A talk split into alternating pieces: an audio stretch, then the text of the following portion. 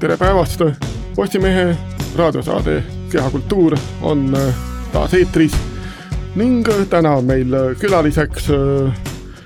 käsipallur, käsipallitreener ja ka reisijuht Riho Bruno Brahmanis, tere tulemast! tere, tere! Postimehe poolt veavad saadet Jarmo Jagomägi ja Ville Ärike. tere! Riho, kutsusime su sellepärast siia, et nädalapäevad tagasi tuli uudis, et käsipalliklubi HC Tallinn hakkab mängima Soome meistriliigas uuest hooajast ning ka sina oled selle klubiga nüüd seotud. ole hea, räägi palun natukene ise lahti, et mida, kui palju, millega aitad HC Tallinn on ju tegelikult esindusmeeskonnana eksisteerinud kolm aastat ja, ja sellest hetkest peale, kui see meeskond loodi ja need poisid pandi meistriliigat mängima, jäi see kohe silma ka mulle ja mõtlesin, et väga tore, et ka Tallinnas on jälle tagasi üks äh, meeskond kellele siis eh, saab kaasa elada ja nagu pöialt hoida, sest et noh, see käsipall nagu siin viimastel aastatel on eh, trend nagu näidanud, on ju rohkem kolinud väiksematesse kohtadesse ja võib-olla sinna rohkem Lõuna-Eesti poole ja noh, selle üle tõesti oli väga hea meel ja, ja selge see, et ma käisin ka neid mänge Kalevi spordihallis vaatamas ja ja Risto Lepp siis ühel hetkel tuli nagu minu juurde ja hakkas, hakkas nagu vaikselt seebitama või rääkima, et, et võiks nagu mind kaasata ka selle klubi juurde ja kuna ma olen olnud ikkagi käsipallist mingil määral eemal. siin viimased neli-viis aastat olen tegelenud seal rohkem selle reisijuhtimisega. siis hakkas mul see ka siin taga peas kuskil tiksuma, et ikkagi esindusmeeskond Tallinnas ja kindlasti peaks ju aitama nõu ja jõuga, kui nii palju, kui ma oskan ja ja nüüd see sai siis teoks, äh, Ristoga me oleme sellest juba ammu rääkinud ja nüüd ühel hetkel siis äh, äh, Risto siis tuli minu juurde ütles, et nüüd teeme selle ära. ja, ja et tuled meile appi ja nõu ja jõuga nii palju, kui võimalik on reisimistöö kõrvalt, sellepärast et tegelikult ma ütlesin Ristole kohe, et minu põhitöö on ikkagi reisijuhtimine, kuna praegu on selline aeg, kus nagu arvatavasti julgeme öelda, et aasta jooksul arvatavasti reisi ei tule, siis on ju tegelikult aega tegeleda selle tööga ehm, ametlik nimetus on siis seal klubi juures mänedžer, et eh, mis see tähendab, mis sa teed ja mis sa juba teinud oled ja mis sa tegema hakkad siis? mänedžer on väga laia mõistega sõna, selles suhtes tegelikult võib-olla see oli natuke suur ja võib-olla liiga kõlav nimi, selles suhtes ma lihtsalt aga noh, peab ju alasi olema, kui midagi teha, siis teha ikka suurelt ja, ja pühenduda ikkagi täiega selle asja juurde ja noh aga mida ma teen ja mida me oleme teinud Ristoga, on see, et me oleme proovinud äh, leida klubile rohkem toetajaid, sest äh, Risto on ju tegelikult äh, niivõrd südamega selle asja juures ja tema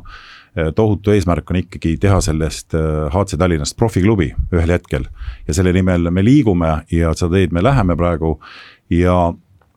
äh, kuna see ikkagi praegu tänu sellele, mis meil siin praegu maailmas toimub, jäi natukene nagu tahaplaanile, sest seda ei saanud nagu teostada. siis on selge see, et me selle taha toppama ei jää ja liigume edasi ja proovime leida toetajaid ja luua siin äh, Tallinnas tegelikult sellist kogukonda sihukest käsipallikogukonda, kes siis oleks nagu selle asja juures kogu aeg ja, ja aitaksid ja, ja toetaksid ja elaksid kaasa kogu aeg ja, ja oleksid asjaga kursis, sellepärast et Tallinnas tegelikult sellist kogukonda on võib-olla kõige raskem luua, sellepärast et väiksemates kohtades on seda lihtsam luua, inimesi on nagu äh, lähemal üksteisele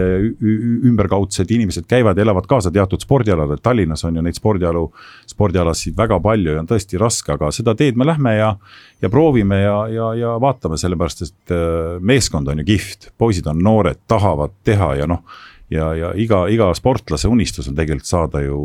tippsportlaseks ja noh, kui me ei, kui me ei toeta ja, ja seda ja, ja ei aita sellel kaasa, mis siis saab, et noh, tegelikult need sportlased on ju meie jaoks, nad on ikka kangelased ju. kes väljakul teevad ja me käime neid vaatamas ja kaasa elamas ja, ja sport on ju ühiskonnas üks väga tähtis osa ju. ja miks siis mitte, miks siis mitte aidata neid poisse. kuidas sulle tundub äh noh, käsipall ei ole nüüd, ei kuulu Eestis nende kõige suuremate pallimängude hulka, et äh, profiklubi Eestisse, kuivõrd võimalik, kui tõenäoline see on üldse? täpselt, äh, Risto, kui esimest korda selle idee nagu välja käis ja rääkis mulle, siis ma hakkasin ka mõtlema, et see ei ole nii, et võtan kätte ja võtame kätte ja teeme ära, et see on kindlasti, ei ole see lihtne, sest et noh, nagu sa ütlesid, see käsipall võib-olla siin äh, Tallinnas on ka mingil määral vaeslapse osas praegu või kuidagi niimoodi aga tuleb, tuleb, tuleb noh, lihtne on öelda, töötada ja vaeva näha ja otsida ja, ja nagu mu üks sõber ütles ka niimoodi, et noh, et, et keda sa otsid neid toetajaid, sa pead leidma ikka neid inimesi, kes on seotud käsipalliga, ei pea. ei pea olema see inimene seotud käsipalliga, ta võib olla ükskõik millega seotud, peab lihtsalt peab lihtsalt leidma selle tee inimeste juurde ja, ja seletama lahti ja, ja, ja üritama ja aga noh, see on selline väga, väga, kuidas ma ütlen, raske või keeruline, aga, aga me tahame seda väga südamest teha. Kuidas sul siiamaani läheb nende sponsorite, toetajate otsimisega, et äh, nagu ütlesid ka, et äh, rasked ajad praegu on, et äh, olgem ausad, siin korvpallis pole raha, võrkpallis pole raha, okei jalgpallis natuke on, sealt tulevad need Euroopa toetused, aga võib-olla siis see käsipall ongi neljas ala alles siin, ütleme, korvpall, selles nii-öelda pallimängude hierarhias. noh, seda näitas ka ju tabel, mis avalikustati, palju siis toetusraha riigilt nagu saati, eks käsipall oli seal kõige väiksema summaga, selge see, et on ja ja, ja muidugi lihtsalt tuleb käia ja kui sa saad inimeste käest või siis äh, saad sellise eitava vastusega, sellepärast ei tohi ju pead norru lasta, tuleb, tuleb lihtsalt tegeleda sellega, vot kui sa millegagi tegeled, siis võib-olla kuskilt ka midagi nagu tuleb ja, ja, ja see ei ole, see ei ole selline lihtne töö, et lähen ja tere ja, ja aga, aga ma vähemalt proovin, üritan ja teen seda, sest mul on praegu aega ja, ja tegelikult no miks mitte täita poiste unistusi. Sest et noh, kui nüüd mõelda tagasi siin sel ajal, kui veel oi, see oli nii ammu, kui veel ise palli sai mängitud, noh, Chocolate Boysi ümber tekkis tegelikult selline kogukond ja selline mõnus ringkond, kus inimesed käisid äh, kaasas elamas ja, ja olid omad fännklubid ja, ja HC Tallinn hakkab ka sama asi tekkima, et me ei ole nagu, vabandust, me ei ole nagu sprindijooksjad, et me ei pea seda kohe leidma. Me ei pea seda homme kohe välja käima, et me oleme rahulikud maratonijooksjad, me teeme oma tööd vaikselt ja vaatame, kuhu me jõuame, me ei tea ju lõpptulemust, me ei tea, nagu öeldakse, maratoni lõpu jooksuaega. me teeme seda, me üritame, me tahame ja elame hingelt kaasa nendele poistele, et see meeskond säiliks ja oleks head ja noh, ja tegelikult kui nüüd tagasi vaadata, HC Tallinn on Eesti meistrivõistlustel hõbemedali saanud ja on tulnud Eesti karikavõitjaks. kas ei ole mitte paha tulemus? seda küll, aga Soome, kust ja millal nüüd see mõte tekkis, et liituda Soome meistriliigaga? Ma arvan, et see, et HC Tallinn hakkab järgmine aasta mängima Soome liigat, ma arvan, see on üks viimast aastat üldse üks kõvemaid äh, asju, mis käsipalli tandril üldse juhtunud on. Äh, väike täpsustus, et mitte järgmisel aastal, vaid sellest sellest sügisest juba hooajal. järgmine hooaeg. ja, ja et selles suhtes see on üks äh, põnevamaid asju, atraktiivse, mõelge, kui lahe on mängida Soome liigat, on ju siin teiste pallimängude alal näiteid olemas küll, eks Eesti-Läti ühisliiga ja nii edasi. ja, ja see, et HC Tallinn hakkab mängima Soome liigat, no jumal see on ju poistele mõnus väljakutse ja sa mängid kaheksa erineva meeskonna vastu nii kodus kui võõrsil. milline selline võimalus veel ette näia on, sa mängid eurokarikat ühe meeskonna vastu kaotad ja on sinu eurotee nagu lõppenud. okei okay,, meil on Balti liiga, aga nad on needsamad võistkonnad siin aastaid olnud, kindlasti see on ka väga mõnus ja atraktiivne on see Balti liiga olnud, aga nüüd Soome liiga ja see ei ole ju tead mis maa ja mere taga. see on ju siinsamas lähedal ja, ja ma arvan, see on väga mõnus väljakutse just areneda poistel, saada nagu natuke erinevaid mänge ja, ja panna ennast proovile, sest noh, võtame seda, et tegelikult antud hetkel Soome liiga on ikkagi kõvem liiga kui Eesti liiga. ja, ja nende noh, siin võib muidugi naljaga pooleks öelda tänu no sellele, et seal mängivad eestlased. aga, aga selge see, et kindlasti on see lahe mängida Soomes ja, ja, ja ka Soomes on publikut rohkem, Soomes on mõnusam see ja õppida sealt ja vaadata ja sellega edasi minna, sest et noh, vaatame, see esimene aasta, prooviaasta, kuidas läheb, raske öelda, aga ta on igatahes väga põnev kui siin rahast juba juttu oli, siis kas see Soome liiga pigem tuleb majanduslikult kasuks või kahjuks, et ma ei tea, siin ütleme, et reisid on natuke pikemad, aga võib-olla toetajale on ahvatlevam, kui meeskond mängib, mängib siin üle, üle lahe? No täpselt, ise küsisid, ise vastasid, tegelikult ta põhimõte ongi selline. ja samast, kui võtta nüüd üle lahe minna mängima, siis Soome liiga enamus meeskondi asuvad kõik Helsingi piirkonnas ja kui sõita siit nüüd Balti liigat mängida, Klaipedasse minna, see on poole kaugem kindlasti, kui minna Soome. ja kui võtta seda, et Soomes on äh, meistriliigas kaheksa meeskonda, siis äh, põhimõtteliselt on sealt neli korda Soomes käia, me mängime laupäeval ja pühapäeval, kaks mängu mängime ära ja samamoodi Soome võistkonnad tulevad ka siia, mängivad laupäeval, pühapäeval, nii et neli korda tulevad nemad siia, neli korda käime meie seal. kui sa nii võtad, siis ta tegelikult ei peaks tulema majanduslikult äh, ütleme nii, rohkem välja minev kuidas soomlased üldse selle mõtte ja ideega kaasa tulid? Risto, Risto Lepp sellega tegeles ja käis seal ja rääkis ja toimetas, nii et täpselt võib-olla nii faktiliselt ma ei tea, aga kõik kaheksa meeskonda on andnud igatahes jah-sõna ja, ja katsetusvariant nagu selline on ja, ja noh, play-off'i ei mängi, ainult mängime selle põhijooaja ja ma arvan, sellest on esimeseks aastaks piisav. ja, ja ma ütlen, see saab praegu juba, praegu ma tunnetan, et see saab väga lahe väga põnev olema mingis mõttes olete võib-olla natuke teerajajad siin ka, et siin Tallinna Kalevi korvpallimeeskond ka natuke flirtis selle mõttega siin mõnda aega tagasi, et võib-olla soomlastega mingid mängud kaasa lüüa, et mine tea, äkki on mingi ilusa projekti algus see no loodame väga seda, sellepärast et noh, see Eesti rahvaarv on väike, need meeskondade arv ei ole võib-olla nii suur ja kogu aeg mängida siin Eesti liigat eh, kuue võistkonna vahel tõesti võib-olla see Soome liiga on mõnus ja hea väljakutse ja, ja, ja just, just eh, arengu suhtes eriti. ja ma arvan, see toob võib-olla ka rohkem saali rahvast ja, ja, ja väikestele lastele, kes HC Tallinna käsipalliklubis trenni teevad, näevad ka, näevad ka oma kangelasi mängimas välisklubide vastu ja, ja see toob just rohkem sihukest atraktiivsust ja, ja noh, naudingut ja mõnu just ja, ja populaarsust, ma arvan ka kindlasti millise pilguga sa nüüd üldse praegu seda noh, käsipalli vaatad, kas see mitmeaastane reisijuhi töö noh, on ka kuidagi muutnud või, või noh, ma kujutan ette, sa oled endiselt sama hingega käsipalli juures, nagu sa oled kogu aeg olnud. aga kas reisijuhi töö siiski midagi on muutnud? reisijuhi töö? silmaringi on kindlasti avanud, okei okay,, sportlasena ma reisisin ka palju ringi, aga noh, sportlasena ma mõtlen, ma mõtlen praegu just selle käsipalli jälgimise osas? tegelikult äh, me olime reisil, äh, me olime reisil Kesk-Aasias grupiga, sõitsime viis staani ehk siis Kasahstan, Kõrgõzstan ja nii edasi. ja viimane õhtu oli meil siis äralend lennukiga ja me olime hotellis, ootasime äralendu ja samal õhtul oli Champions League'i finaal. Final Four oli finaal ja ma vaatasin seda ülekannet, äh, arvutist vaatasin ja tuli lisaaeg. ja meil pidi buss ära sõitma lennujaama. ma läksin alla bussijuhile, ütlesin bussijuht, ma teadsin, et meil aega on piisavalt, ma ütlesin bussijuhile, et ütle nüüd nii, et kui inimesed tulevad, meil on tunni aja pärast ära sõit. ja siis jooksin ise tuppa, vaatasin seda lisaaega edasi. nii et küsimus sinu vastusele, kuidas see käsipall on mõjutanud, ma elan selle sees kogu aeg ja kui on ülekanded, kui midagi on vaja vaadata, siis ma vaatan ja leian selle aja, nii et äh, väga vabandan inimeste eest, kes seda ei teadnud veel, seda ma neile muidugi ei öelnud, et selles suhtes nad pidid tund aega veel hotellis ootama, et ma saaks oma käsipalli finaali lõpuni vaadata, nii et äh, nii see on paraku, midagi teha ei ole. aga muidugi lennukist ma maha ei jäänud ja midagi, midagi väga katastroofilist ei juhtunud, aga lihtsalt ma tahtsin seda mängu lõpuni vaadata. Sul äh, ka poeg, ka poeg Jesper äh, mängib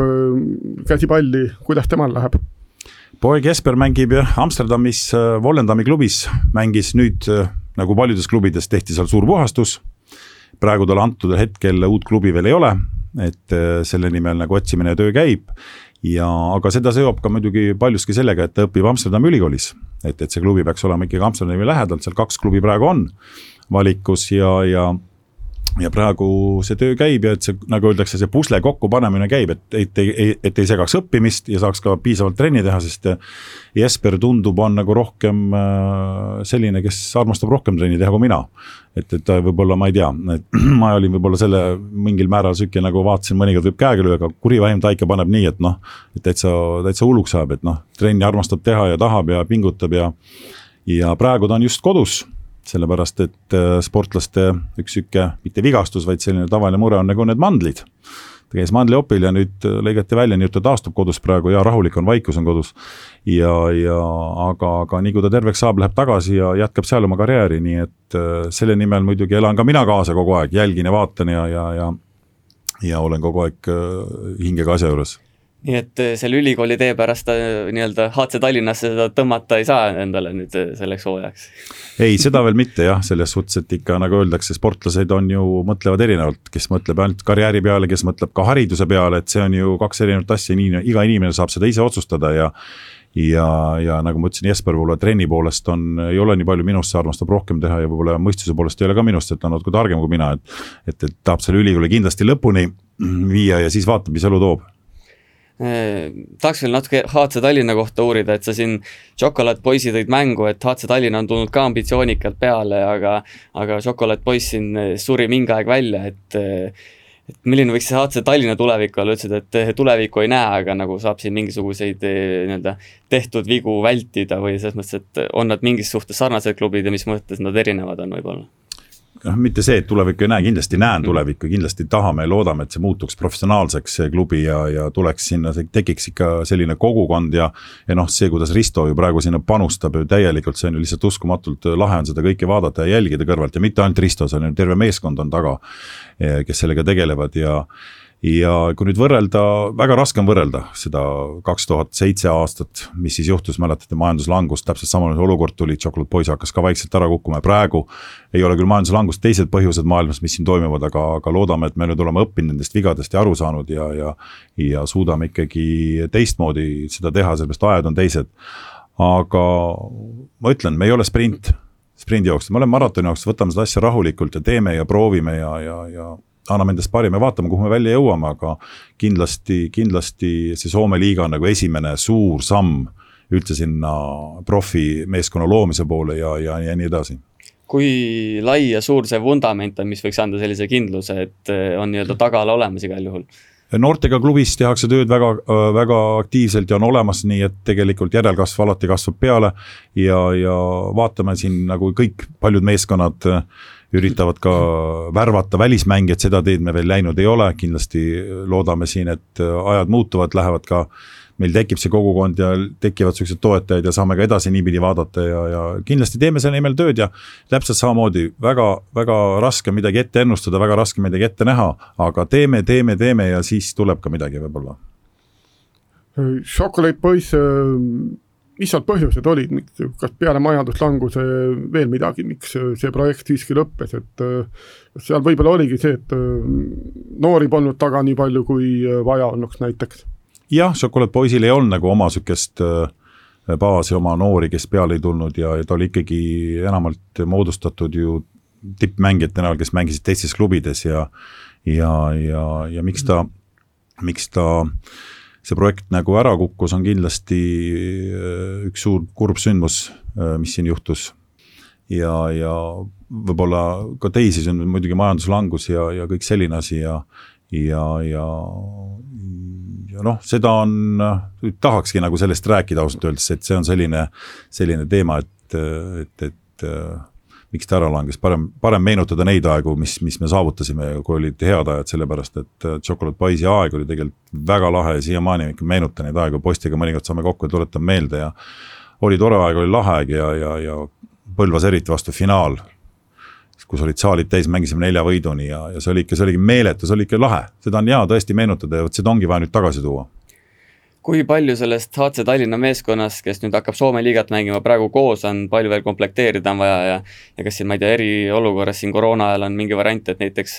mõni, mõni niisugune koondislane või tugevam eestlane tuleb, tuleb ka kodumaale tagasi näiteks? ja HC Tallinnasse näiteks? no nüüd sa küsisid niisuguseid saladuslikke küsimusi, siin on, siin on kindlasti võib-olla mõni eestlane tulemas tagasi, aga aga see on võib-olla veel siin saladus, aga HC Tallinnal ei ole, ei ole, selles suhtes on ikkagi mängijad praegu teevad trenni ja, ja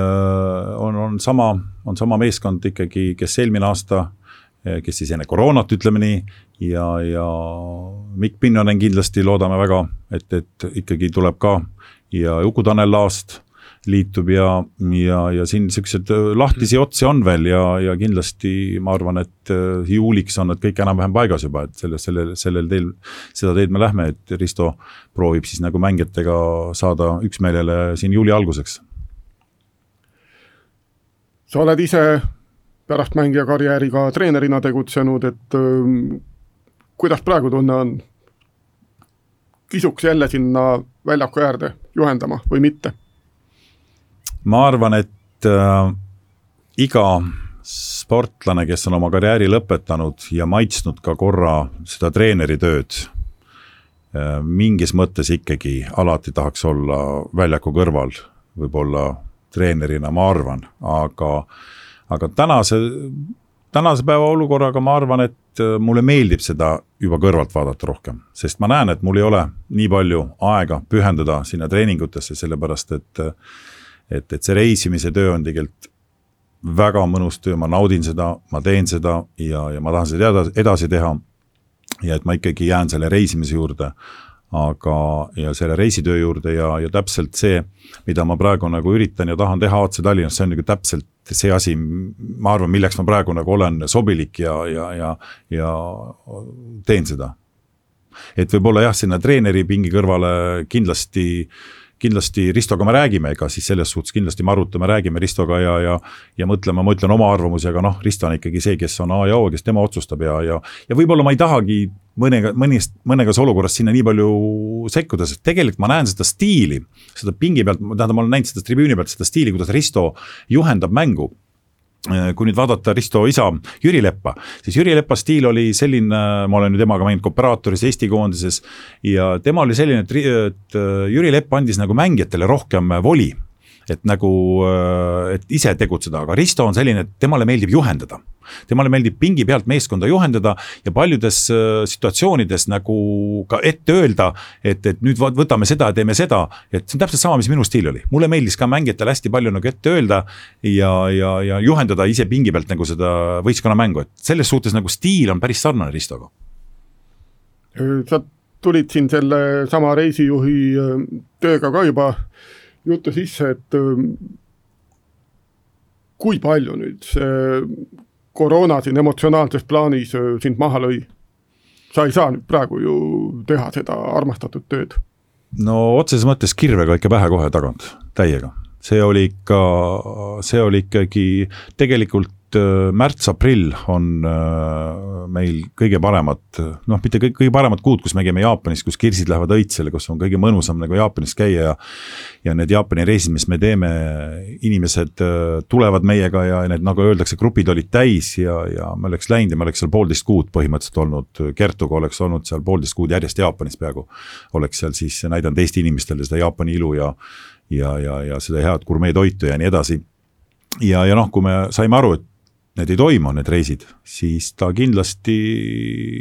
noh, kui sa oled kaheksa aastat seda tööd teinud ja, ja arendanud ja arenenud kogu aeg ja nautinud seda tööd ja nüüd järsku sa ei saa teha.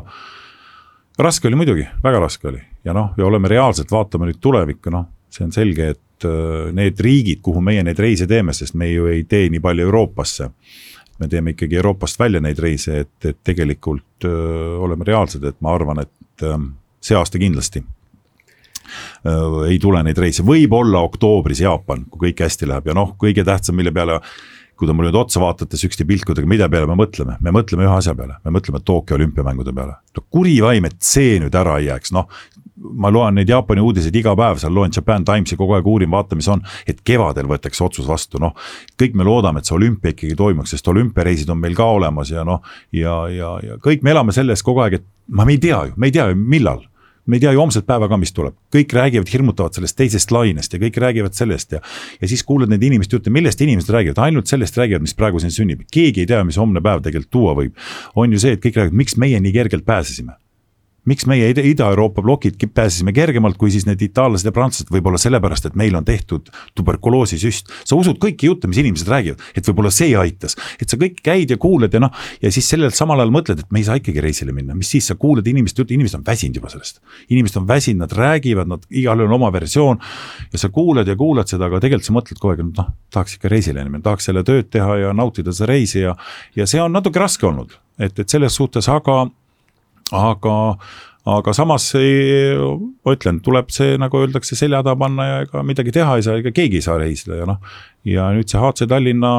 juures olemine, see on nagu väga mõnus motivaator ja motivatsioon mulle, et ma saan olla ikkagi selle juures, mida ma tahan teha ja, ja, ja, ja see on tegelikult noh, võib-olla mingil määral ka aidanud nagu homset päeva näha. ole hea, tulid juba Tokyo olümpia juurde ka jutuga, et millised plaanid teil nüüd, kui koroona poleks vahele tulnud, millised plaanid Tokyoga teil olid? Tokyo olümpiamängudega olid meil sellised plaanid, et meil oli äh, Albion reisidel oli omal üks reis, meil oli siis selline reis, et Jaapani ringreis ja siis olid meil ka Tokyo olümpiamängude avatseremoonia piletid, mida Eestis siin mäletate kaks-kolm aastat tagasi või no ütleme, oli päris raske saada, et, et ei saanud ja meie saime need piletid ja meil oli sihuke reis olemas ja meil oli inimeste seltskond, olime koos, kellega ma oleks sinna läinud vaatama seda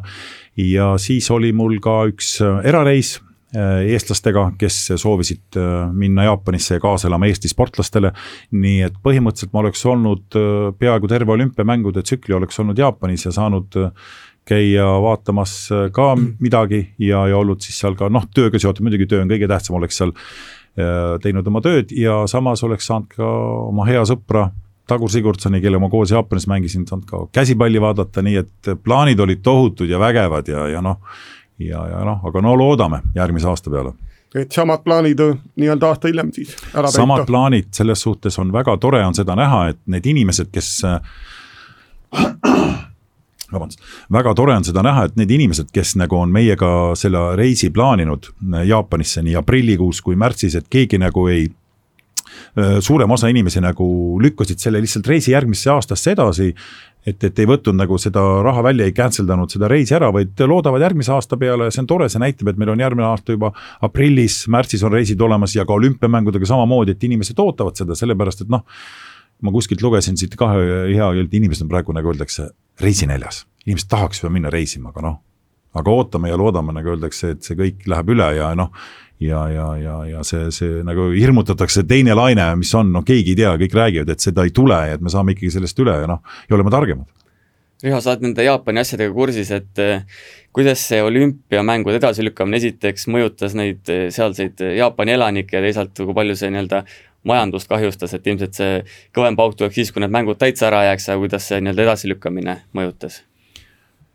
Äh, nii palju, kui ma olen suhelnud sõpradega, ega jaapanlane on niisugune tagasihoidlik ja distsiplineeritud inimene. tema ütleb, et kui ei tule, siis ei tule, kui vihma sajab, siis ta sajab, siis ei ole midagi teha, et tema on selline vaoshoitud. ja kindlasti inimesed loodavad väga, et need järgmine aasta tulevad, sest noh ja kõik äh, staadionid ja kõik asjad on ju valmis, kõik on ju tipp-topp korras ja Tokyo valmistus ju selleks mängudeks, ma oleks isegi tahtnud oma silmaga näha, et see, mis kõik lubati seal, mis seal toimuma hakkab ja, ja, noh, see oleks tõesti väga põnev olnud. majanduslikult äh, ma olen ainult lugenud numbreid äh, Japan Timesist, et kaheksasada miljardit ja eurot ja nii edasi kahjumit ja kõik seda, kui ta üldse ära jääb, ma ei kujuta ette, noh et, et see on tõesti pauk Jaapani noh, majandusele ja rahvale kindlasti ja noh, sest jaapanlased ikka armastavad, armastavad oma sportlasi väga, armastavad sporti üldse ja ja, ja noh, selles suhtes, et neid pileteid saada ei olnud ühtede, ühtegi ütleme, kas maadlusele, vehklemisele, kus eestlased oleks tahtnud saada, neid pileteid ei olnud kuskilt saada ja. ja ma hakkasin ka huvi, huvi pärast muret mõtlema, et kuidas see süsteem on, kuidas ei ole pileteid, et noh, et peaks ju ikkagi saama need piletid, aga noh. jaapanlased on ju niivõrd hästi selle süsteemi üles loonud, et et kui jaapanlane tahab saada olümpiamängude piletit, siis ta kirjutab oma nime ja viskab selle loosikasti. kui ta tahab minna vaatama näiteks maadlust või käsipalli siis ta kirjutab, ma tahan minna vaatama käsipalli ja paneb selle loosikasti. ja siis ühel päeval öeldakse sa oled võitnud loosiga pileti olümpiamängudel, aga sa saad minna vaatama naiste jalgpalli alagrupi mängu et nii nad täidavad need staadionid ära, et tegelikult need inimesed, kes sinna nagu lähevad, võib-olla üldse ei ole huvitatud sellest spordialast. aga noh, te olete kindlasti ka kokku puutunud, sa Aasias sa vaatad, nagu oli see kergejõustiku maailmameistrivõistlused, staadionid olid täis. tegelikult need inimesed seal noh, vaatasid sihukese pilguga, et noh, et kas nad olid nüüd need tõelised fännid, kes tahavad saada, et Aasia on seda teed läinud. samas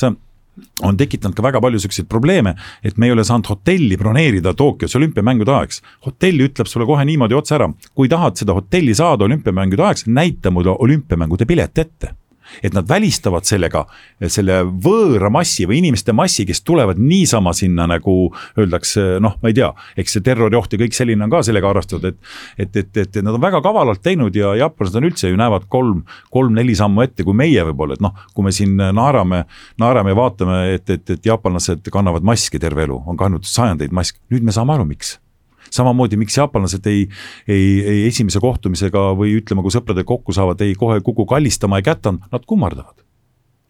nüüd on meil täpselt seesama hetk on käes, me kanname maske, me kummardame, ehk siis õpime jaapanlastelt. Nad on seda ju terve elu teinud, ütleme sajandeid teinud, et see kõik see, kõik see hügieen ja kõik selline asi, et neil on sellega ammu mõeldud, noh. Lähekski siis ajas natuke tagasi ja räägi, kuidas sul see side Jaapaniga siis tekkis nii suur, et sa seal mängisid ja nüüd äh, pärast seda jäid ka veel sinna nii-öelda möllama? see side on jah, tegelikult äh, päris tugev, on, on ja on siiamaani ja täna hommikul just suhtlesime jaapanlastega siin sõpradega, rääkisime ja et kuidas on ja, ja kindlasti paljudes, paljudes sellistes asjades, mis ma oma karjääri jooksul olen teinud on kindlasti, mitte üksi ei ole ma neid otsuseid vastu võtnud. selge see, et äh, kui tekib sul perekond, siis sa, sa arutad koos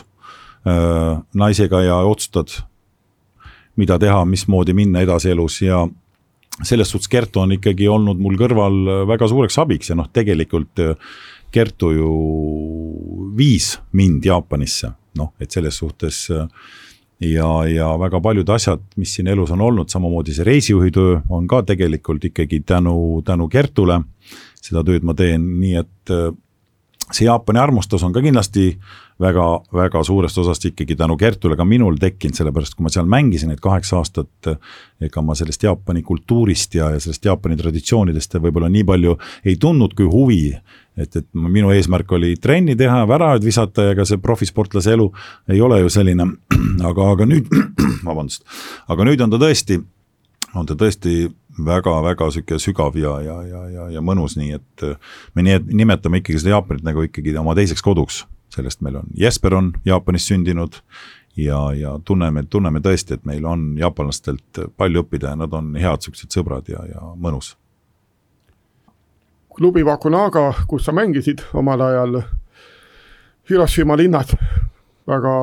kurva kuulsusega linn. milline on tänapäeva elu Hiroshimas?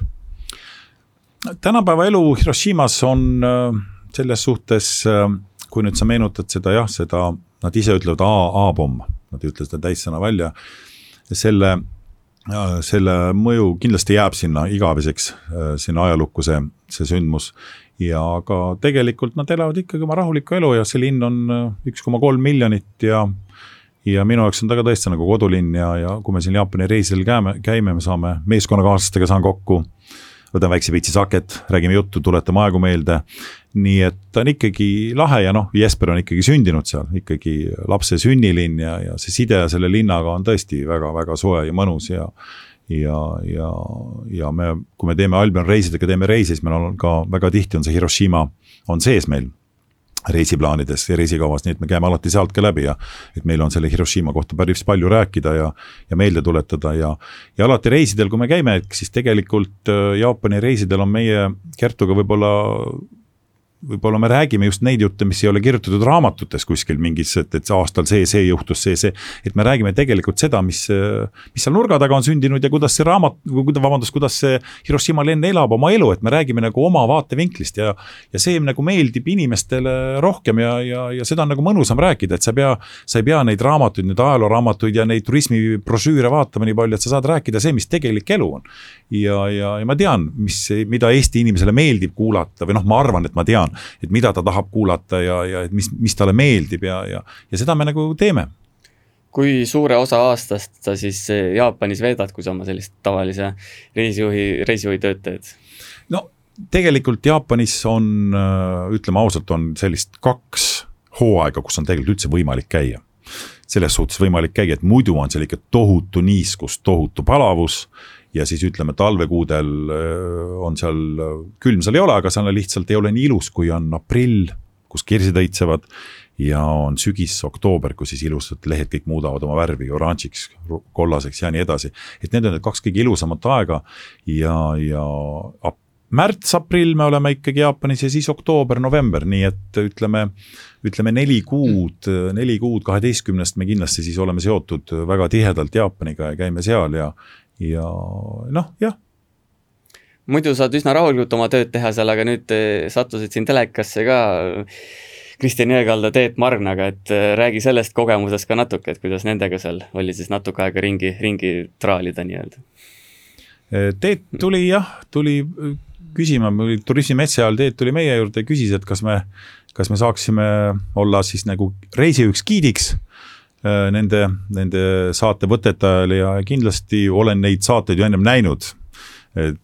telekast ja, ja, ja siuksed äh, lahedad ja noh, ikka jääb silm peale, ikka vaatad ja noh, ja selge see, et oli ju kohe nagu päris huvitav öelda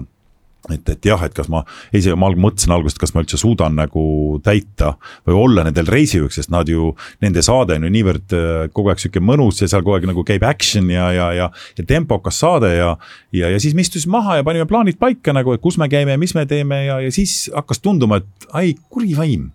tuleb, tuleb ikka mõnus sihuke hea ja. ja ise operaatoriga ma rääkisin pärast, operaator ütles ka, et nagu, et noh, lähed Jaapanisse, sihuke rahulik riik, et järsku seal ei, seal ei juhtugi midagi, et meil peab olema saade sihuke põnev, et peab kogu aeg midagi juhtuma põnevat ja. ja, ja, ja, ja ma ütlesin, oi jumal, küll me seal äh, midagi ikka välja mõtleme ja teeme ja noh. ja, ja samas, kui me sinna jõudsime ja esimesest päevast peale hakkas juba sihuke, nagu öeldakse, hästi fun peale, sest et tegelikult see saate tegemine, ma ei usu, et ta nii raske töö on ma nägin, ma nägin neid operaatoreid, ma nägin Teetu ja Kristjan, kell üheksa hommikul kaamera käima, kell üheksa õhtul kaamera kinni. sa pead tegema, sa pead kogu aeg käima olema, kogu aeg peab olema huvitav, et see, mis tegelikult ekraanile jõuab, see on ainult, ma ei kujuta ette, kas kakskümmend protsenti sellest võib-olla või veel vähem. mis siis seal tegelikult äh, kõik filmitud sai ja võetud sai, et see oli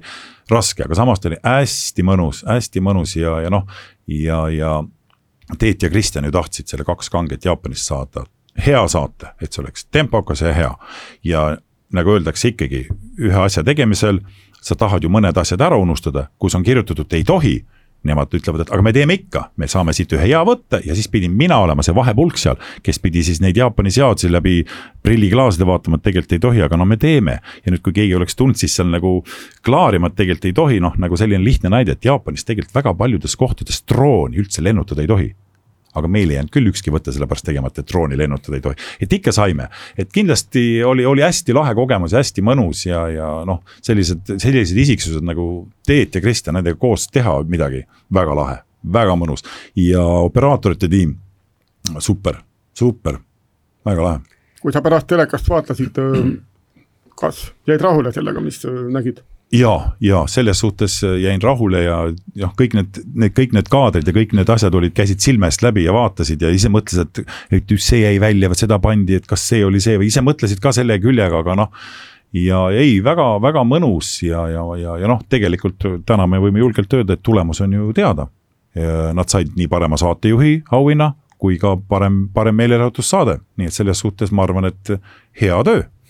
siin reeglite painutamisest rääkisid natuke, et seal, ma ei mäleta, mis koht see täpselt seal oli, aga kuskile te vist saite niimoodi ka sisse ja filmima, et et tänu Barutole seal enam-vähem mingisuguse kontakt tekkis, et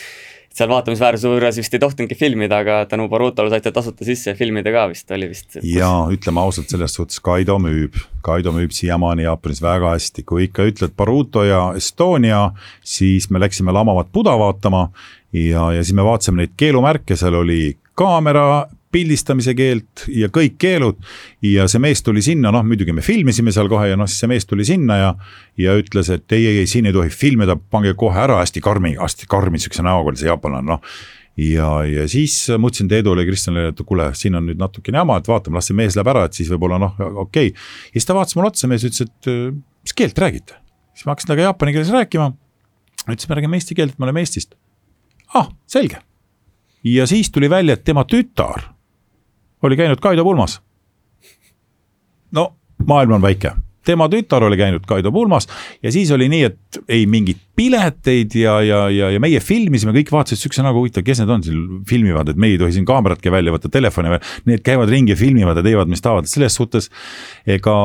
ega jah, siiamaani ikkagi Kaido avab paljud uksed Jaapanis ja, ja, ja oli, oli selles suhtes oli, oli, oli kindlasti võib-olla tänu temale kuskile ka mõnusam ja lahedam olukord, sest noh, ükskõik, kui sa kuskil õhtul läksid kuskile baari saket võtma, siis. ja siis ütlesid Kaido ja, ja noh, mitte seda, et nüüd Kaido seal saket käis joomas, aga et teataks, sest noh, kui sa ikka ühe Basho turniiri oled ära võitnud, sa oled ikkagi, meeles peetakse keda, võitjaid. kui palju sind ennast nüüd tänu Kaidole sumo huvitama hakkas? Selles suhtes, kui ma Jaapanisse läksin aastal tuhat üheksasada üheksakümmend kuus, äh, siis äh, tegelikult ma teadsin äh, pesapallist, mis on siis number üks spordiala Jaapanis, suhteliselt vähe. aga Hiroshima meeskond, Hiroshima Karp, kuna ma elasin Hiroshimas, selge see, et hakkas kohe huvitama, Hiroshima Sunfrecce jalg, jalgpallimeeskond, kõiki mängijaid teadsin, vaatasin nende mänge, jälgisin pesapallimänge, teadsin teadsin ka nende täpselt sportlaskarjääri, kust ostetud, mis klubis ja nii edasi. et tahes-tahtmata minul on sihuke, sihuke nagu öeldakse kiiks, et kus ma, kuhu linna ma elama lähen. ma vaatan kohe selle kohaliku jalgpalliklubi või siis ükskõik mis klubi ja, ja olen selle pöö, pöö, pöidlahoidja et, et selles suhtes pesapallireeglid sain selgeks, sain, sain mängijad selgeks, samamoodi sumoga hakkasin vaatama, et kes, kes seal on tipus ja mismoodi ja et ma olin tegelikult enne Kaido tulekut juba päris kursis nii sumoga kui, kui kõik selle Jaapani spordimaailmaga ja mis seal toimub ja ja, ja et selles suhtes ma, ma ütlen, kui on, kui on kodus spordiuudiste vaatamine, siis on nagu öeldakse, kirikutund, peab majas vaikus olema. et sellega ma olen kogu aeg kursis ja nagu ma ütlesin, Kesk-Aasias jäi sellepärast, oleks lennukist maha jäänudki võib-olla, et aga ma pidin Champions League'i finaali lisa ära vaatama, aga noh. et, et see on ikkagi hommiku esimene asi, tõused üles, mõtled nii spordiuudised ja magama lähed, vaatad nii, kõik on teada, spordiuudised, rahu, nüüd võib magama minna ütlesid, et üheksakümmend kuus läksid Jaapanisse, et äh, mida sellest ajast mäletad, et läksid ikkagi Euroopast täiesti teise kultuuri, ma kujutan ette, et teistsugust käsipalli mängiti seal, et milline see elu seal esimesed aastad, hooajad olid? ja aastal üheksakümmend kuus tõesti, kui läksime Jaapanisse Kertuga koos, siis tegelikult äh, ma ei teadnud Jaapanist äh, väga palju ei teadnud, ma ei teadnud, ma ei teadnud äh, ma ei teadnud neid inimesi, ma ei teadnud kultuuri ja, ja sinna minnes muidugi oli see šokk, oli niivõrd tohutu. et kui peale esimest hooaega ma tulin koju, siis Tiit Karuks tuli mulle lennujaama vastu, küsis mu käest, äh, kui suur see šokk on, mille sa Jaapanist said, ma vaatasin talle otsa, mis kuradi šokk ma ei saanud aru, et ma olen nii suures šokis, et ma ei saanudki aru, see on mul kohale jõudnudki veel. et tegelikult see on ikka tohutu erinevus ikkagi ütleme sellest, mis ma ennem olin nagu elanud siin ja mänginud profikarjääri, et. et, et noh, kui sul keegi meeskonnas ikkagi inglise keelt ei räägi ja sa pead ise kogu aeg nuputama ja mõtlema, mismoodi, miks nad teevad nii, miks nad teevad naa, miks ma ei tohi teha nii ja miks ma ei tohi teha naa, see on väga raske. see on tõesti raske ja samas minu töö oli ikkagi mängimine ja väravate viskamine ja, ja, ja Vakunagale võidu toomine. ja esimene hooaeg lõppes nii, et tegelikult me saime täpselt sama koha, mis sai meeskond ilma minuta eelmine aasta, nii et mitte mingit arengut nagu ei olnud. aga noh, see ei oleks ka võimalik olnud, sest see oli ikkagi, see oli ikkagi raske, oli raske ja, ja, ja keeruline tõesti kuidas sa ikkagi lõpuks hakkama said seal, kui, kui kiiresti näiteks keele selgeks? Äh, no keele selgeks, kohe selge oli see, et ma hakkasin käima keeltekursustel ja, ja Kertu ju ikkagi rääkis jaapani keelt, Kertu aitas mind väga palju nendes küsimustes telefoni otsas, kui vaja oli midagi lahendada, oli kogu aeg Kertu see, kes, kes rääkis ja, ja seletas mulle, miks peab olema nii ja miks peab olema naa ja selles suhtes minu selline, nagu öeldakse, eestlase Vargamäe Andrese mentaliteet oli ka selline, et ma läksin Jaapanisse. ma olin äh, rusikalaua peal, et mina hakkan teid nüüd õpetama, kuidas käsipalli mängida, sest mina tulen Rootsi liigast, ma olen nii kõva mees. et teie siin vaadake ise, kuidas mul järgi jooksete. täiesti vale mõtteviis, täiesti vale arusaamine spordist ja selline. ja, ja selline, sellise mõttega ei saa ükski sportlane üheski klubis nagu läbi lüüa. ja mina läksin selle mõttega, ma ei tea, miks, ma ei tea, miks, võib-olla ma olin selline ja selge see, et ma hakkasin seal oma joru ajama ja, ja ja ma nägin, et meeskonnad, meeskonnamängijad ka ei teadnud, mida teha, esimene välismaalane üldse Jaapani liigas, kogemusi polnud, kuidas temaga suhelda, võib-olla peabki nii olema, ei olnud kogemusi, ei teadnud mitte midagi. ja, ja kui esimene hooaeg sai läbi oli, oli selline situatsioon, et ma arvasin, et Kertu istus juba kodus kohvrite otsas. ma teadsin, et meil on äh, ärasõit, sellepärast et noh, et miks see meeskond peaks mind tahtma, kui mingit arengut ei tulnud. ja ma hakkasin juba ära sõitma ja meeskonna direktor kutsus mind äh, enda juurde kabinetti ja ütles mulle, Bruno, son, et mul on väga kahju, et sa oled pidanud mängima äh, meie väga halvas meeskonnas, kus mängivad väga-väga väga halvad mängijad ja sinu tase ei ole see, mis nende mängijatega peaks olema nagu paralleelne, vaid sa lihtsalt ei sobi. Nende meie mängijad on tegelikult süüdi kõiges, et me ei saanud mitte midagi teha, tähendab, ta võttis kõik süü enda peale enda meeskonnakaaslaste peale ja, ja, ja tema juhtimise peale ja treeneri peale. nii et see oli täiesti uskumatu, et jaapanlased see oli jälle minu jaoks väga sihuke hea õppetund, et jaapanlased võtsid kõik süü enda peale ja siis ta küsis, kas sa tahaksid veel ühe aasta meie väga-väga halvas meeskonnas mängida. ja siis mul hakkas kohale jõudma tegelikult, kuidas see asi tegelikult siin käib ja kui Kertu kodus ka nägi seda, et mulle, sellel mul Vargamäe Andrase põikpealsusel hakkab kohale jõudma tegelikult, kuidas siin ühiskonnas peaks käituma ja mida siin tegema. et kui öeldakse, et jooksed viis ringi karistuseks, siis jooksed viis ringi, mitte peale kahte ringi ütled, kuule, ma enam ei jookse, et ma ei taha. et see suhtumine muutus ja, ja ma sain sellest aru ja ma tegin järgmine aasta, tegin täpselt nii, nagu kõik jaapanlased teevad. kui oli vaja teha seda, tegin seda. ei olnud mingi nii, et mina olen välismaalane, minul on teised reeglid ja jaapanlastel on teised reeglid, ma tegin täpselt samamoodi nagu tegid poisid ja treener nägi seda. Ma ei öelnud talle kunagi ühtegi sõna vastu. ja mis juhtus? peale teist hooaega. Me põhimõtteliselt ei kaotanud ühtegi mängu, tulime meistriks, me võitsime karika ja mind valiti aasta parimaks mängijaks, nii et kõik läks nagu täppi, nii et see suhtumine, kui sa lähed äh, võõrasse ühiskonda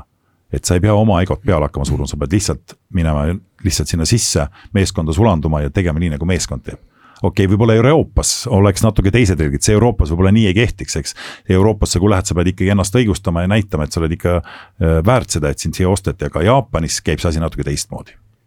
ja sa jäid sinna mitmeks aastaks, eks see mentaliteet sobis sulle siis või, või võib järeldada sellest? ja peale teist aastat tõesti, kui, kui ma hakkasin aru saama ja ma hakkasin nende kultuuri jagama ja nende keelt natukene jagama ja kõike seda nägema, millised, millised inimesed nad on, siis see tõesti, see, see nagu öeldakse jah, see Jaapan sai nagu tõesti koduks ja noh, Jesperi sünd muidugi ja kõik see oli, see oli fantastiliselt, nii et see kõik, mis seal toimus, sellest on ju, me oleme Kertuga sellest, Kertu on ka tegelikult sellest raamatu kirjutanud, nii et noh, et see on, see on fantastiline, hea meenutada neid aegu ja kõik, mis seal, mis seal sündis ja noh, ja siis tekkis see hetk, et me ei saanud enam tulema sealt. see oli kõik nii hea, et me nagu Kertuga omavahel ütlesime, et meie kõige suurem probleem oli see, et meil ei olnud probleemi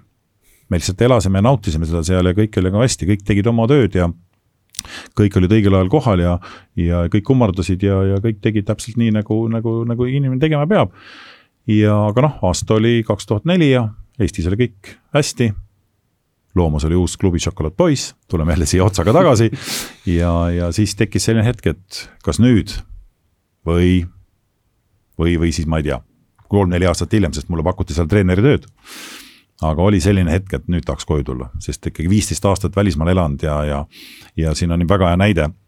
selle kohta, et meil olid ju kaks last, Jesper ja Melissa, kes oli sündinud siis Rootsis. Nemad käisid seal Jaapani lasteaias ja käisid ka rahvusvahelises koolis. ja kui meie rääkisime nendega kodus eesti keeles, siis eesti keel hakkas muutuma selliseks käskivaks ja pahaks mine pesema,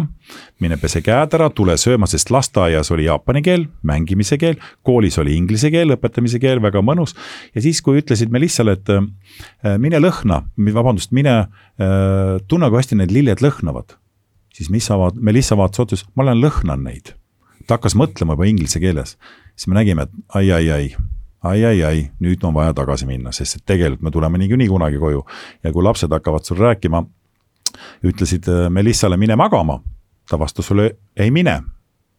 et see mõtlev maailm hakkas inglise keeles tööle, me saime aru, et tegelikult peaks ikka koju minema. ja, ja, ja nii see läks jah, nii et kui Kertu viis mind sinna, siis mina tõin ta tagasi. et äh, hiljem ükskord uuesti jälle tagasi jõuda sinna täpselt nii, kes seda oleks teadnud, sest neid pisaraid tegelikult ma ütlen ausalt, neid pisaraid oli palju, neid pisaraid oli väga palju, kui me sealt ära tulime ja ja kes seda oleks kunagi uskunud, et see tee niimoodi läheb, et, et me saame seal hakata käima öö, tööga ja, ja on siin ka vahepeal selline, selline ka mõttekoht ka tagasi minna sinna treeneriks Vagunagasse, aga aga noh, kaaluda kõike seda asja praegu ma arvan, et see ikkagi ei oleks nagu kõige õigem variant. Mul tekkis siin huvitav küsimus vahepeal, et kui sa nüüd ütlesid, et esimese aasta järel klubi president ütles, et nad on seal kõik halvad mängijad ja mis, mis veel, et kas hiljem ikkagi ta hakkas arvama, et nende mängijad ei ole nii halvad. ta arvab siiamaani, et need on halvad. sellepärast, kui äh, see on Jaapani, see on Jaapani kasvatus. kui treener, äh, meeskonna treener kutsus mind enda juurde koju, siis äh,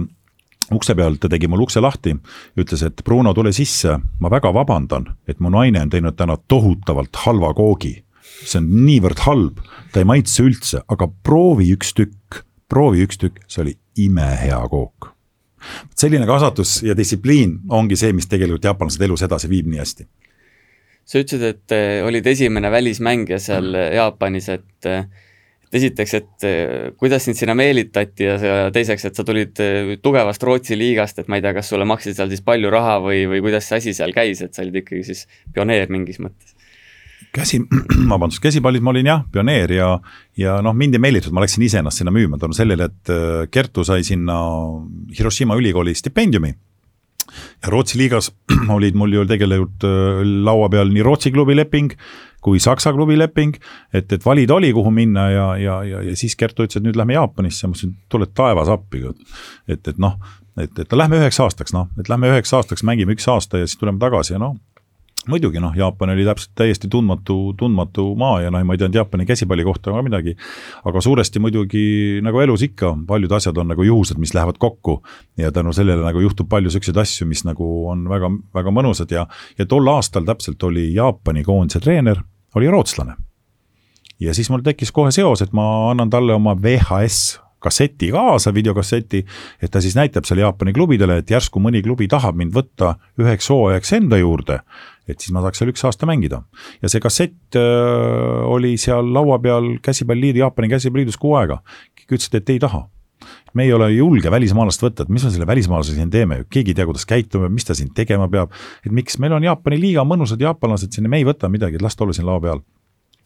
ja, ja tegelikult see oleks sinnagi jäänud võib-olla niimoodi, see kassett sinna ja ma ei oleks sinna saanud, kui siis ikkagi koondise teine treener ütles, et kuule, et ma vaatan seda kassetti noh, kui selle kasseti nagu läbi vaatas, ma ei tea, võib-olla teised klubitreenerid olid ka seda vaadanud, aga, aga ja see ei olnud muide halb mäng, see oli väga hea mäng. selle ja, ja siis ütles, et kuule, et aga, aga meil vasakkäelist nagu oleks vaja praegu ja et, et, et proovime ühe aasta. noh, ja siis sinna ma läksin, sinna ma läksin ja, ja kaheksa aastat oli seal. nii et selles suhtes ja peale seda, kui me meistriks tulime, ütlesid ju teiste klubide treenerid ütlesid ka, ütlesid, ohoh Nad tuli välismaalane ja klubi tuli meistriks. nüüd tahame meiega meistriks tulla. ja siis hakati ostma ainult maailmameistreid ja olümpiavõitjaid, siis läks tase nii kõvaks. siis osteti prantslasi, venelasi ja siis läks puhta hullumaeks läks seal liigas, nii et seal oli vahepeal oli kümme välismaalast.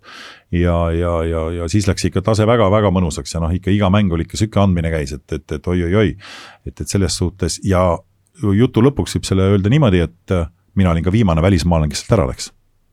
kõik need prantslased ja venelased äh, lõpetati lepingud ka ära ja läksid minema, ma olin viimane ja rohkem peale seda ei ole ühtegi välismaalast Jaapani liigas profi tasemel mänginud, nii et väga huvitav. ainuke, kes seal praegu on, on siis treener, Jaapani koondise treener, meeste treener on siis äh, islandlane ja naiste koondise treener on, äh, kui ma ei eksi, ka üks endisest Jugoslaaviast ja kuskilt ja nii, et ainult koondise treenerid on välismaalased. hea küll, siit on hea minna edasi Jaapanist mujale. reisid on viinud sind ka teistesse maailmajagudesse. sa ütled, et Jaapan on teiseks koduks saanud, aga kui nüüd jätame Eesti ja Jaapani kõrvale, siis milline riik on sulle ülejäänutest kõige rohkem muljet avaldanud? seda küsimust on mu käest küsitud väga palju ja sellele küsimusele on väga raske vastata, sellepärast et iga riik, iga uus koht, kus sa lähed, on mm, väga lahe, väga mõnus kogemus ja kui küsitakse veel niimoodi, et kas on ka selline riik, kus sa ei tahaks enam tagasi minna, siis sellist vastust mul nagu ka ei ole, ma läheks igale poole tagasi, naudiks. Jaapanis me oleme Kertuga käinud nende aastate jooksul, me siin lugesime kokku nelikümmend või viiskümmend korda, aga noh, kui sa koju lähed, siis ei ole kunagi nagu öeldakse, ei väsita ära. aga kindlasti on sellised riigid, mis iga kord, kui lähed, mõtled natuke teistmoodi kui Jaapanisse. näiteks, kus sa lähed kuskile Aafrika riikidesse, kus võib-olla olukord on äh, natuke põnevam, sa ei tea kunagi, mis võib juhtuda. või kui sa lähed Põhja-Koreasse sa kunagi ei tea, mis seal võib juhtuda, see, mina ütlen alati, et Põhja-Korea reis on kõige turvalisem reis, sest sind kogu aeg jälgitakse, sul on kogu aeg silmad peal. et, et need on siuksed huvitavad reisid, eks, ja, ja samas samas mõnikord mõtled jah, kui sa lähed kuskile Austraaliasse või sa lähed kuskile okea-, Okeaania riikidesse, Fidži, Vanuatu või Uus-Caledoonias, sa tead, et seal on suhteliselt rahulik ja mõnus ja ei ole nii palju sellist äh, äh noh, muretsemine on vana, vale sõna, võib-olla sellist nagu jah, et, et aga, aga on, alati on, alati on sellised riigid, kus võib midagi tekkida, sest tegelikult sina ju vastutad kakskümmend neli seitse ja teed kõik selle jaoks, et äh, inimesed, kes reisile on sinuga tulnud, äh, naudiksid seda reisi ja tunneksid ennast hästi ja ja, ja noh, ja kui nüüd tegelikult äh, panna siia kõrvale kaks elukutset, nii treener kui reisijuht. noh, kui nüüd natukene mõelda, tegelikult on ju sa, sa vastutad inimeste eest, sa teed selle nimel, et sa teed selle nimel, et inimestel oleks hea ja, ja vaatad, et kõik toimiks. ainuke pluss, reisijuhi pluss on see, et kui sa Tallinna lennujaamas ma-, maandud, siis ei tule ükski reporter sulle vastu ja küsi, miks te kaotasite. sa võtad oma kohvri ja lähed rahulikult koju sportliku poole pealt vaadates, siis kus kõige mõnusam võib-olla mängida oli, oli see seesama Jaapan ikka, kui äkki kodune Eesti või, või midagi kolmandat siin äkki isegi? Need etapid on olnud erinevad, kui ma noor olin, mängisin Rootsis võib-olla, ütleme, eks, esimene noorus niimoodi, ja, ja kindlasti see Rootsi etapp Äh, oli võib-olla sihuke areng, arengutapp, sest noh, Rootsi käsipall oli kiire ja hea ja ta oli maailmas ikkagi venelastega seal võitlesid kogu aeg finaalides ja noh, see arendas väga kõvasti, see Rootsi liiga. ja, ja juba, juba siis minnes Jaapanisse, kergelt oli Jaapanis võib-olla nagu öeldakse karjääri selline tipphetk oli juba nagu läbi, et sa juba suutsid nagu mängida ja olla kasulik ka teistele mängijatele. et see oli nagu juba sihuke teine etapp ja tagasi tulles siis Eestisse, Chocolate Boysis, noh siis oli juba võib-olla mingil määral sihuke vanarasva peal, nagu öeldakse, võitude võtmine ja selline, et need on väga erinevad olnud. aga kus kõige mõnusam mängida olnud, tegelikult kõige mõnusam on igal pool olnud, sest need etapid on olnud erinevad, õppimine nagu tipp, tippu, tippaeg ja siis nagu öeldakse juba sihuke natukene vanadusest natuke rasa peal. nagu öeldakse, et see on kõik olnud sihuke hästi mõnus ja, ja noh, et, et jah, ega, ega väga raske on panna nagu kõrvuti, kõik on hea olnud, kõik on mõnus ja noh et, et siin võib-olla see Riia Tseltnieks veel, kui mul siin sõja, sõjaväe ajal mängisin, et see oli ka sihuke hea etapp, sai Vene, Vene kõrgliigas mängida olümpiavõitjate vastu seal. näha neid, neid, neid, neid, neid, kuidas tippsportlane seal mängib ja noh, siis ma olin veel poisike ja noh, kõik on olnud mõnusad etapid, et. kõik on olnud head, et, et selles suhtes nagu midagi öelda, et võib-olla seal ei oleks pidanud nii kaua olema või seda mängima, et seda sihukest hooaega nagu või sihukest asja nagu mul ei tulegi nagu pähe üldse ütlesid, et eh, pojale sul meeldib, et pojal meeldib võib-olla rohkem trenni teha, kui, kui sullegi meeldis, et ma ei tea, kui kõva töö, tööloom ja töömees ise olid karjääri ajal ja ma ei tea, midagi kripeldama jääb selle, selle koha pealt või mitte? jääb küll, oleks võinud rohkem trenni teha. oleks võinud kõvasti-kõvasti rohkem trenni teha ja, ja kõvasti nagu öeldakse, ajad olid sellised nagu võib-olla teaduslikult, teaduslikult ei olnud see sport veel nii arenenud, see just see söögipool, see köögipool, ütleme, mida süüa, kuidas, kui palju enne mänge, mida. et seda nii olnud, ei olnud nagu välja arendatud, praegu ju sportlased, sa vaatad, neil on kõik nii konkreetselt paigas. on, kui on saalitrenn, on saalitreener, treeningutel on saalitreenerid, kes aitavad, kes, kes täpselt ütlevad sulle, mis harjutusi teha, kui palju sul on kava ette kirjutatud, kõik see asi noh, ütleme sel ajal, kui mina mängisin, ei olnud seda, oli üks treener, kes andis, ütles, et tee seda, tee seda, tee toda ja noh, enda teadmised võib-olla ei olnud ka veel nii piisavalt head, et mida ma nüüd peaksin tegema. ja siis mõnikord tekkiski sihuke tunne, et kuule, treenerit ei ole, et okei okay,, ma siin teen midagi, aga ma ei teadnud, kuidas teha, mis on kasulik, mida ma peaks tegema. et see külg jäi natukene kripetama, kripeldama, et oleks võinud ju tegelikult noh, ise rohkem panustada et, et võib-olla, võib-olla natuke see füüsiline võiks olla olnud parem küll, et see jääb nagu kripeldama, aga aga noh, kui sa tänapäeval vaatad neid noori, et noh, minu arust on küll nauditav on vaadata, kuidas tehakse trenni, kuidas jõusaalis on oma treenerid, kõik grupid toimivad ja, ja minnakse pallisaali, tehakse tee. Jesper siin ju rääkis, et just seal Hollandis Amsterdami klubis et tehakse kaks tundi alguses kangitrenni, eks jõusaalis, siis minnakse veel pool tundi vahet natukene, siis minnakse pall, äh, pallisaali, tehakse pallidega just see, et sul on väsimus sees ja tegelikult see väsimus otsustabki mängu viimase kümne minutil selle mängu saatuse, et siis panna veel pallitrenn otsa, et see arendab, noh, kuri vaim oleks meie all ka siuksed treeningud olnud, eks, oleks võib-olla teab mis teistmoodi läinud. tahtsingi seda küsida, et äh, kuidas, milline sinu meelest on, et käsipall anno kaks tuhat kakskümmend ja võrdled nüüd üheksakümnendate esimese poolega, kui sa Rootsis mängisid. et äh, kui palju nüüd veerand sajandiga see mäng edasi on läinud? Kui nüüd jätame need treeningute nüansid kõrvale praegu. tead, istud kodus õhtul, kuskile minna ei tohtinud, kui siin ütleme kuu-kaks tagasi, eks sa pidid kodus olema, olime karantiinis, istusime kodus. ja mis sa ikka kodus teed õhtuti, rahulikult vaatad televiisorit ja siis võtsin oma videokasseti, võtsin oma videokasseti ja panin oma, oma kuldaja mängud panin peale ja poeg Jesper istus kõrval ja naeris ütles, püha taevas, ta üldse ei jooksnud ju väljakul täpselt vastust sinu küsimusele, et see, see kõik on ju nii palju arenenud, see kiirused ja kõik see mängutempo, see on ju nii palju arenenud. tõesti vaatad seda kakskümmend aastat, kahekümne aasta vanust mängu ja vaatad, et oh, nagu lahe oli, mõnus, aga noh, tegelikult ju nüüd paned samas, paned tänapäeva mängu peale. asi on ikka muutunud nii palju, et selles suhtes, aga, aga jah, täpselt poe, poiss naeris, ütles, et noh, jumal, mis jumal, polnud midagi, millest sa väsinud seal olid, et mitte midagi selle tegema ei pidanud, et hoopis. ja no reeglid olid ka teised. et, et tänapäeval on ju reeglid, on passiivne rünnak ja, ja kõik sellised asjad ja hoopis teistmoodi ja, ja. ja, ja kõik see treenitus, tegelikult see tänapäeva treenitus, kuidas treenitakse, viibki selle asja edasi, tegelikult noh, ma ütlen. küsimus sinu, vastus sinu küsimusele, poiss naeris et nii palju on see sport ikka ju ütleme, kõik paljalad, ega mitte ainult siin käsipall, eks. kui sa vaatad siin meie teist mingi kuldaegade mängu siin Kalevi korvpalli vaatad samamoodi siin, mis praegu see film tehakse, vaatad neid kaadreid, noh. mõtled ka, et, et tegelikult noh, ikka, ikka see areng on olnud tohutu, jah. kui palju sa üldse siin selle koroona ajal spordist nüüd puudust tundsid? ära küsi,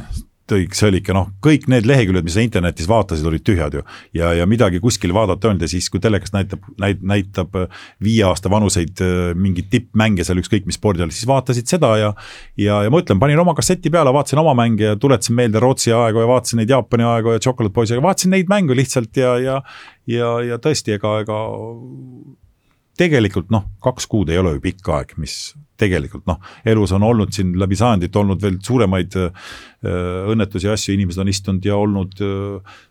aastaid. Ja nüüd me siin kaks kuud tõesti tundus selline aeg, et püha jumal, sihuke pikk aeg, aga noh, aga, aga ma arvan, et äh, igatsus oli suur, oli, oli, oli, sa oled ju harjunud, see mugavustsoon, sa oled nägema kõik, sa tead, et praegu oleks pidanud olema ju jalgpalli Euroopa meistrivõistlused, praegu oleks istuks kõik telekas ja vaataks seda, eks. siin oleks eelmisel nädalal oleks Champions League'i finaalid, kõik siin käsipallis oleks, oleks olnud ja kõik sa oled kogu aeg selle sees olnud. Ja kui sa elad sellega. ja kui seda järsku ei ole, siis on nagu tõesti tühi auk, mida tegelikult saab täita ainult siis nagu öeldakse retroaega mängude vaatamine, vaatad neid vanu aja mänge, noh, et see oli, see on ka ikkagi mingi, mingi lahendus, jah kuu aega tagasi lasti Saksamaal jalgpallurid jälle väljakule, et ähm, hakkasid vaatama siis või? tegelikult äh, Saksa, Saksa jalgpall jah, eile spordiuudistes ma vaatasin, näidati, kus Hispaania liigat ja noh, ma ütlen ausalt, nii ma jalgpalli niimoodi liigat äh, nii konkreetselt ei, ei, ei vaata selles suhtes, et äh, aga kindlasti, kui on spordiuudised või on kokkuvõttes, ma vaatan alati neid. ja eile spordiuudises oli näha, kuidas oli staadionid olid tehtud nagu oli pandud nagu rahvas istuks tegelikult seal staadioni peal, mitte tühjad kohad. et võib-olla see, see jättis küll sihukese mulje, et oh, päris lahe ongi nagu sihuke mulje jääb, aga aga, aga kindlasti ma olen kursis, ma tean, mis liigades ma vaatan ikkagi, kes mängis teda, seda, et aga noh, et, et nii suur fänn ma nüüd ei ole, et, et ma vaataksin seal Saksa liigat, kui, kui, kui mängib seal la la la. muidugi tippvõistlusi, neid ikka vaatan, aga, aga praegu suvi nii ilus aeg, aias nii palju teha, et äh, rohkem, targemat praegu nagu öeldakse, teha tõesti. sest et noh, nagu öeldakse siin, need kaks kuud, mis siin olid paljud inimesed värvisid oma majad ära, said garaažis või seal aias palju tööd teha samamoodi ise ka, et said rohkem toimetada ja noh, nagu Kertu ütles, et me ei ole olnud kaheksa aastat äh, märts-aprill kodus. nii et noh, täpselt me nägime ka tegelikult, mis märts-aprill siis äh, kodus aias sünnib, et, et, et sai hoopis aiatööd teha ja see oli väga mõnus aeg selle koha pealt enne kui otsad kokku tõmbame, läheks veel võib-olla natuke siin ütleme käsipallilainele, et natuke Eesti võib-olla sellist üldisest seisust, et kuidas sulle tundub, milline see Eesti käsipalli tervis praegusel hetkel on, et ma ei tea, millal me siin EM-ist jälle võiks unistama hakata näiteks? käsipall on terve, ei ole siin midagi, tuleb, tuleb lihtsalt, tuleb lihtsalt äh, nagu öeldakse, värske, värske sihuke hea Soome liigasse HC Tallinna minek, see nagu toob tervist juurde, ma arvan, tervele tervele käsipalliliigale ja ja kui võib-olla natukene, natukene nuriseda võib-olla, siis, siis mina ütlen ausalt välja, mina isiklikult ei jäänud rahule Eesti koondise treeneriga. ma tunnen Toomas Sivetsoni, ma olen mänginud tema vastu Rootsis, tema mängis Halmstad Trottis, ta oli joonemängija, väga osav väga raske oli kaitses tema vastu mängida, aga mulle jättis natukene sellise tunde, et ta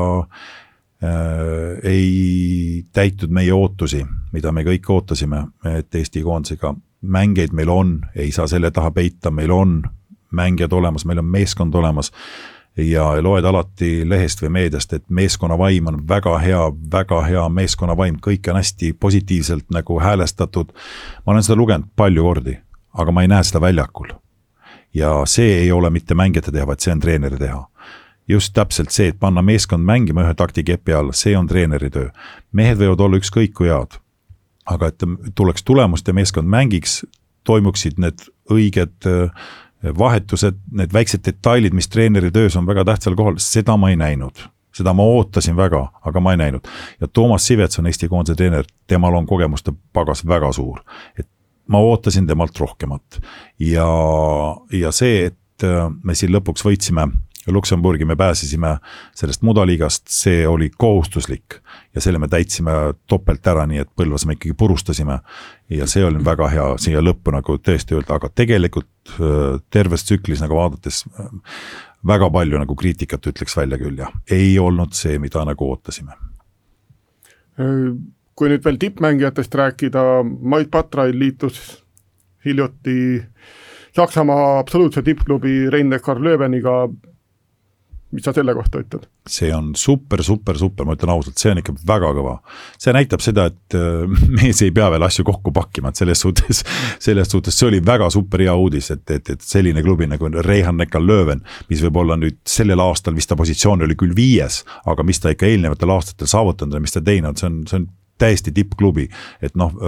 paremat klubi, nagu öeldakse, on väga raske üldse leida, kas sinna kõrvale võiks panna ainult võib-olla Kiil või midagi sellist, et noh. et, et see on ikka väga kõva saavutus ja et see, et Mait sinna osteti mängima, see näitab, et Mait on väärt Patrol on aastaid mänginud Saksamaal, et see vist näitab päris kõvasti ikkagi ära, mis, mis mehega tegemist on nii-öelda jaa, Mait on, Mait on, Mait on selline äh, kaitsetugitala, kes, äh, kes aitab kaitses meeskonda ja rünnakul, äh, kui vaja, nii et selles suhtes ta oma, oma võimsa kasvu ja, ja füüsilise tugevuse juures ta ju on võimeline kõigeks. et selles suhtes ongi, et, et see tagasi tulla selle Eesti koondise juurde, et seda peaks ka teadma ju Toomas Sivetson nägema ja vaatama neid mänge, kindlasti ta teeb seda. aga noh, mul jäi ikkagi südame peale see, et ta ei osanud sealt välja lugeda mäng, meie mängijate kõige tugevamad küljed ja neid ära kasutada. et tegelikult sa näed ju, sa pead ju ikkagi vaatama seda, kuidas äh, mees klubis mängib. kui palju antakse mänguaega, mis positsioonil, vabandust, mitte positsioonil, vaid mis on tema